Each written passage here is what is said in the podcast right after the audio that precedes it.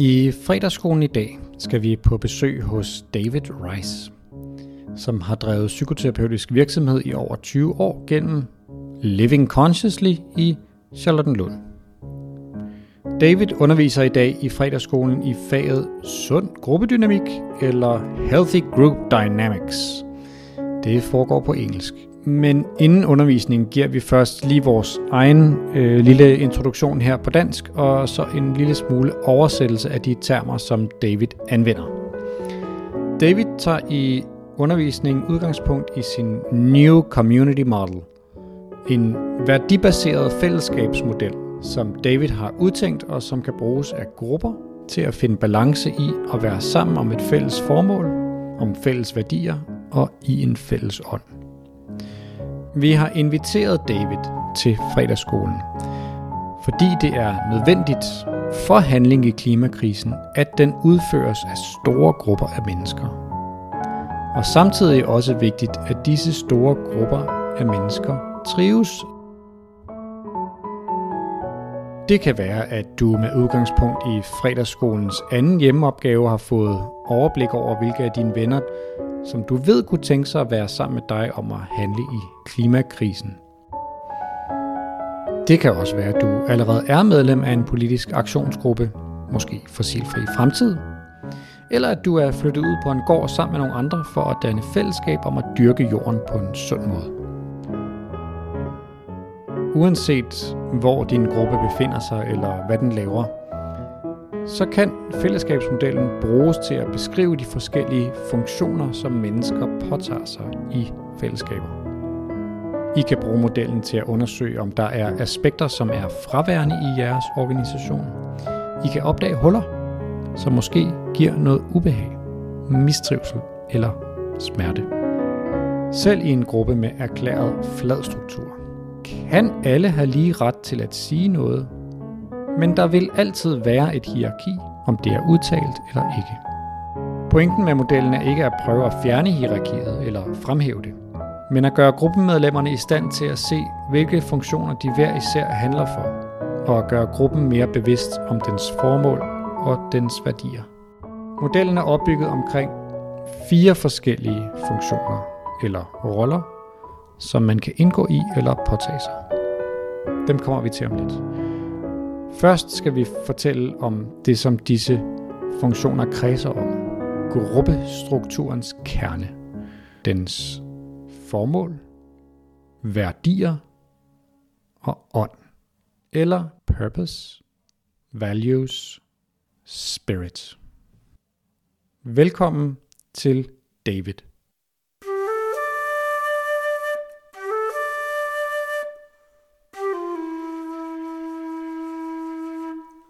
Having lived in community with uh, 30 to 80 other people, um, when it worked, it's wonderful. When it uh, when there are disagreements and and group processes that are create tension and uh, and some anxiety or anger uh, that that are not addressed, then uh, it's a hard place to live. Yeah. So the, the key to this is to be able to have uh, a method and a context that where there's understanding of um, the importance of clear and effective communication together. And this requires some education because we aren't we aren't born with this. So I have a what I call a new community model that I've developed, and it grew out of the community I was in uh, in the U.S. So new does that mean when starting a community you should use this, or is it more like a a new idea? Uh, more the second. Actually, it can be used for the first two. If, if it was used right away, a lot of difficulties can be avoided. A lot of growing pains uh, can be avoided. Um, I've struggled actually with the with the title. It's been an evolving process. So this is the this is the current the current title. I took it from something that Laurens van der Post said. He was talking about community and that and leadership. that the new community would be uh, wouldn't orient around a single charismatic leader, but would be more of a collective leadership. It's like a model for how to have a flat structure.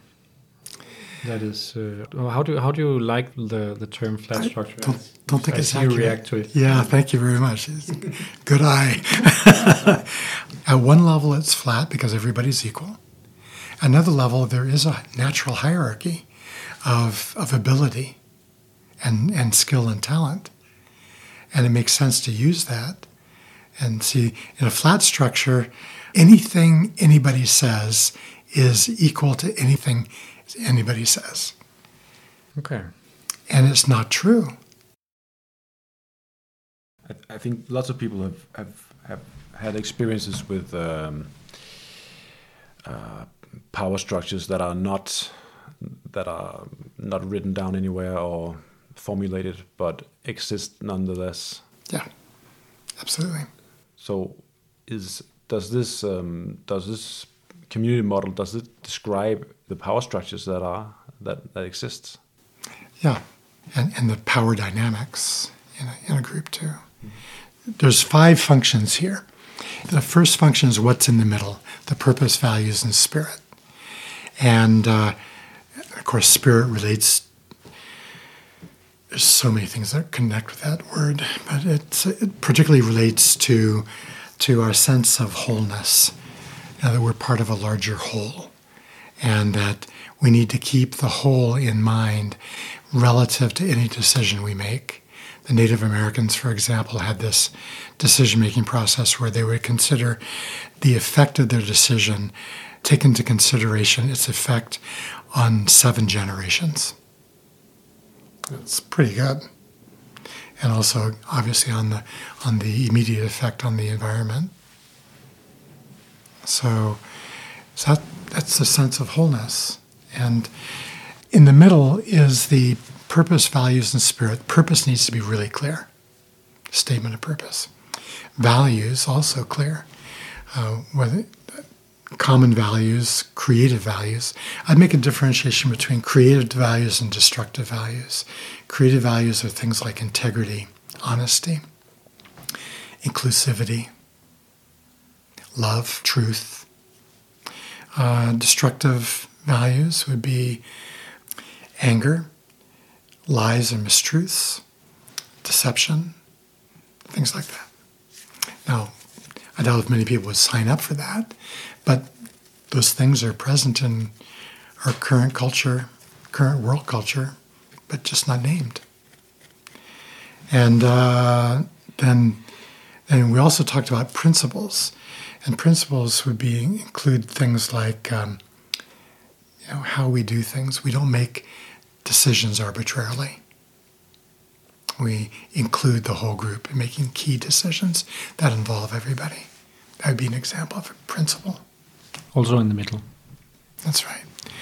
And because what's in the middle, everybody's signed up to. And any any step you want to take, uh, any new step you want to take, uh, these what's in the middle is considered. Do they are they in harmony with our purpose, values, spirit, principles, our norms? And uh, and if they're not, then we shouldn't move in that direction. So anybody who's sensing that it would be the, our purpose, values, and spirit would be harmed by going in that direction, it's their responsibility to speak up, even if they're the only voice in the group. And built into that is everybody knows that when we gather together, we're here to help unfold the purpose of the community Hmm. in the way that we've agreed upon in terms of values. So that's baked in at the beginning. And then out of that come four basic functions. One of the functions is leadership. I define leadership, there's actually two levels, but the primary definition is um,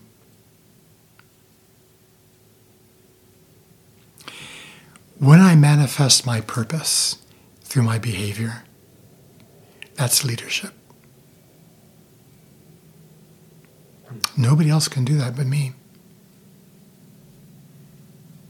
That's one level of leadership. Then the next level of collective leadership is uh, a person who can hold a context and a process and facilitate that context and process. Not everybody has that ability. So, the people who do have that ability, we can identify them, help them develop their ability uh, to the level where they can function as a leader of a, of a task group or a process in a community. Uh, somebody or buddies, usually I'd say it's a, a collective leadership, a collective group, would hold the, hold the center. So a leader is not on top, but just a part of the group. Yes. Everybody has their function in the group, and leadership is one function. It's a very important function because it's a coordinating function. And lead, a lead, leadership, the form of leadership, uh, will be determined by the level of maturity of the group and skill of the group.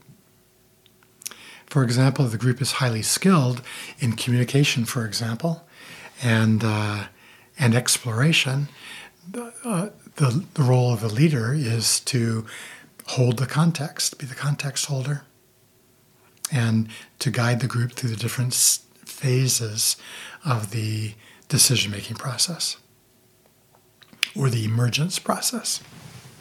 If the group is young, with uh, doesn't know how to do these things yet, then the leader holds more structure. It's more structured leadership to guide people through the different stages of the process. For example, um, if there's a lot of anxiety in a group, the group doesn't know how to handle anxiety, then they go through a very distinct, structured process of applying the truth test. For example, if there's anxiety, what's causing the anxiety? If it's a thought, what's the thought? And the key question here is if it's a negative prediction, can you actually predict the future? Most people say no. And if a person says yes, then maybe they can. You don't know. A good question for them would be what's the uh, degree that you can predict the future? Are you absolutely sure this is going to happen?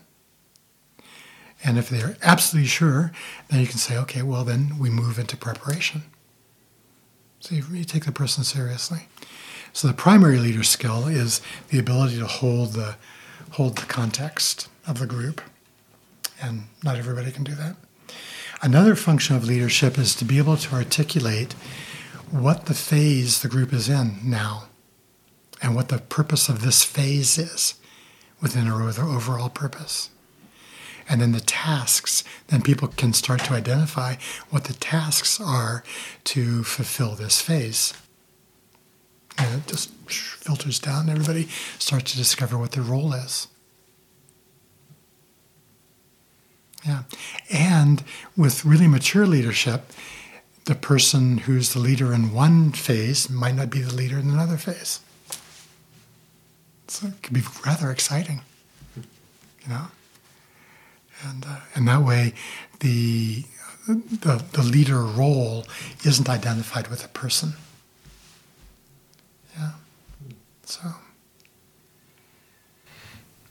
So, and uh, so, with leadership, uh, there are several words in the same. Leadership, service, and work. So. Um, natural in, in creative leadership is there's an attitude of service. I'm a service to the community. That can be at the individual level or the collective level in terms of role. And work, what is my work in the, in the community to, uh, to help fulfill the purpose? And that naturally leads then into also this next quarter, which is uh, education and learning. So we want to educate people in unfolding their natural talents and abilities. And you could call it education for living or education for service.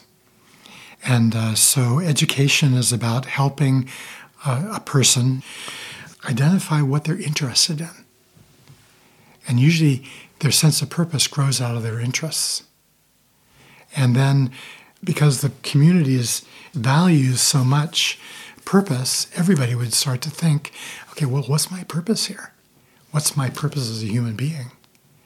Those are questions that are important that the individual know the answer to so that they can stay true to that in themselves. And education can also incorporate specific education they need to fulfill their purpose. Like if it's a scientific education they need, they develop that.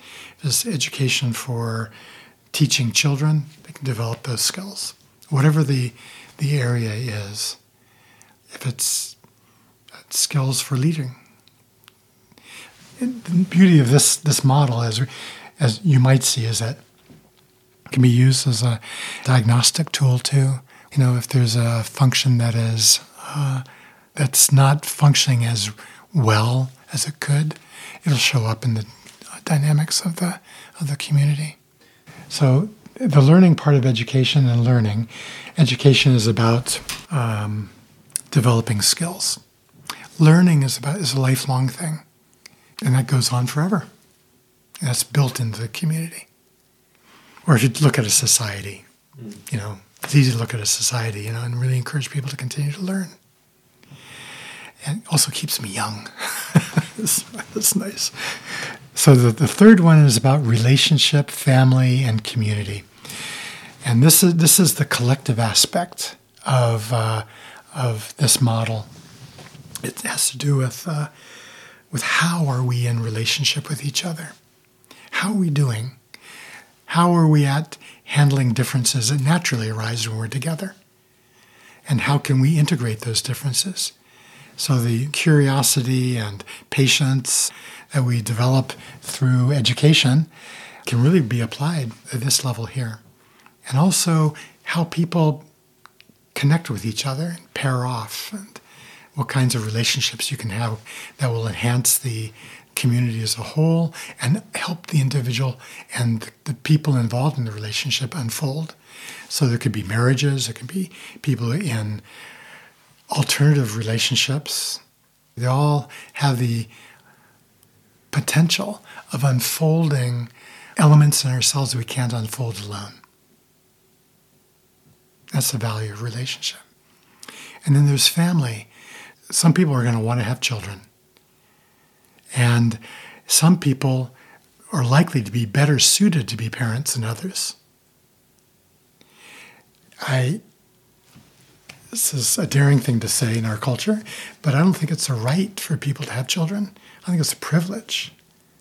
And clearly, anybody can do the biological act that can create children, but not everybody can raise a healthy child who can be nurtured and grown so they can take their place in society, knowing their sense of purpose and, uh, and meaning. And uh, in a traditional family, there's two parents, but they're within a larger context of the community. And the larger community has a has a responsibility to nurture the child too, and to watch the young person as they're growing up and encourage them to discover their purpose from within, but also to call them to their purpose in the community because they've been watched for so long that the community members know what they're good at. They don't have to be shoehorned, they don't have to be forced into the into a particular role, but people are watching and people can see what they're good at. and can reflect that back to the young person too. So I think it's, there's a natural interaction between the individual and the community to find our place. And then there's a community part. It has to do with how, how our community process, you know, of decision making, of, of sense making, of taking our next steps as a community, exploring differences. All the conflict resolution processes are, are in that uh, function. Uh, celebrations, uh, life events, marriages, d- deaths, births, the four seasons. All those things can be celebrated in a community, particularly with a community that's based around sustainability and land, land stewardship. It'd be natural, fun. And then there's what's called attunement and healing. Attunement relates to our ability as individuals and as a community to stay in harmony with what's in the middle. And that's a heart thing. It's a spiritual and heart thing. There may be practices that people can do to do that. I think meditation is a natural, would be one thing that would be very common for some people to do prayer and meditation, time alone, to do vision quests, uh, things like that, to deepen our sense of, of what's in the middle of ourselves and what's in the middle of the community. And healing is about um, helping people heal from being involved in contexts that haven't been creative. We will probably need a lot of this in new communities because all of us come from dysfunctional families to some degree, some degree of dysfunctionality in our families, and we have been injured by that or by participating in a religion or church or a government or business that hasn't been very functional or educational system. And so people can create contexts where this healing can take place. be natural for people who do therapy to be involved in this function, and natural for people who have a sense of uh, uh, spiritual processes to be involved in this function of, of attunement and healing. For example, if conflict erupts in a community that can't be handled as a large group, we can create a smaller context where the smallest one would be the two people and a facilitator, exploring what's going on in their relationship, exploring the differences, so it doesn't have to boil out into the larger community uh, meetings. So, very living thing.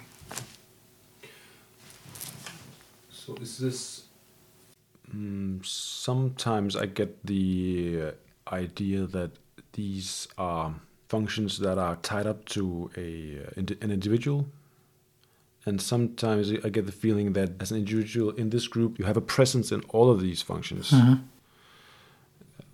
Which one is the m- most accurate? They're both. They both apply to the individual and the collective. So, what we've been talking about here is more the internal aspect of community. The external aspect of community is what is the community producing that's going to be of value to the larger whole? You know, without that one, the community will stagnate. Starts to be more and more inward looking. Mm. Uh, but there's something that the community is doing to help the well being of the whole, to provide a service for that whether it's uh, to care for the land, and then can produce food for other people mm-hmm. than the community itself. Um, and that's connected with the spirit, the connection with the whole. Yeah, that's right. It's a practical demonstration of the awareness that we're part of a larger whole. Mm. Yeah.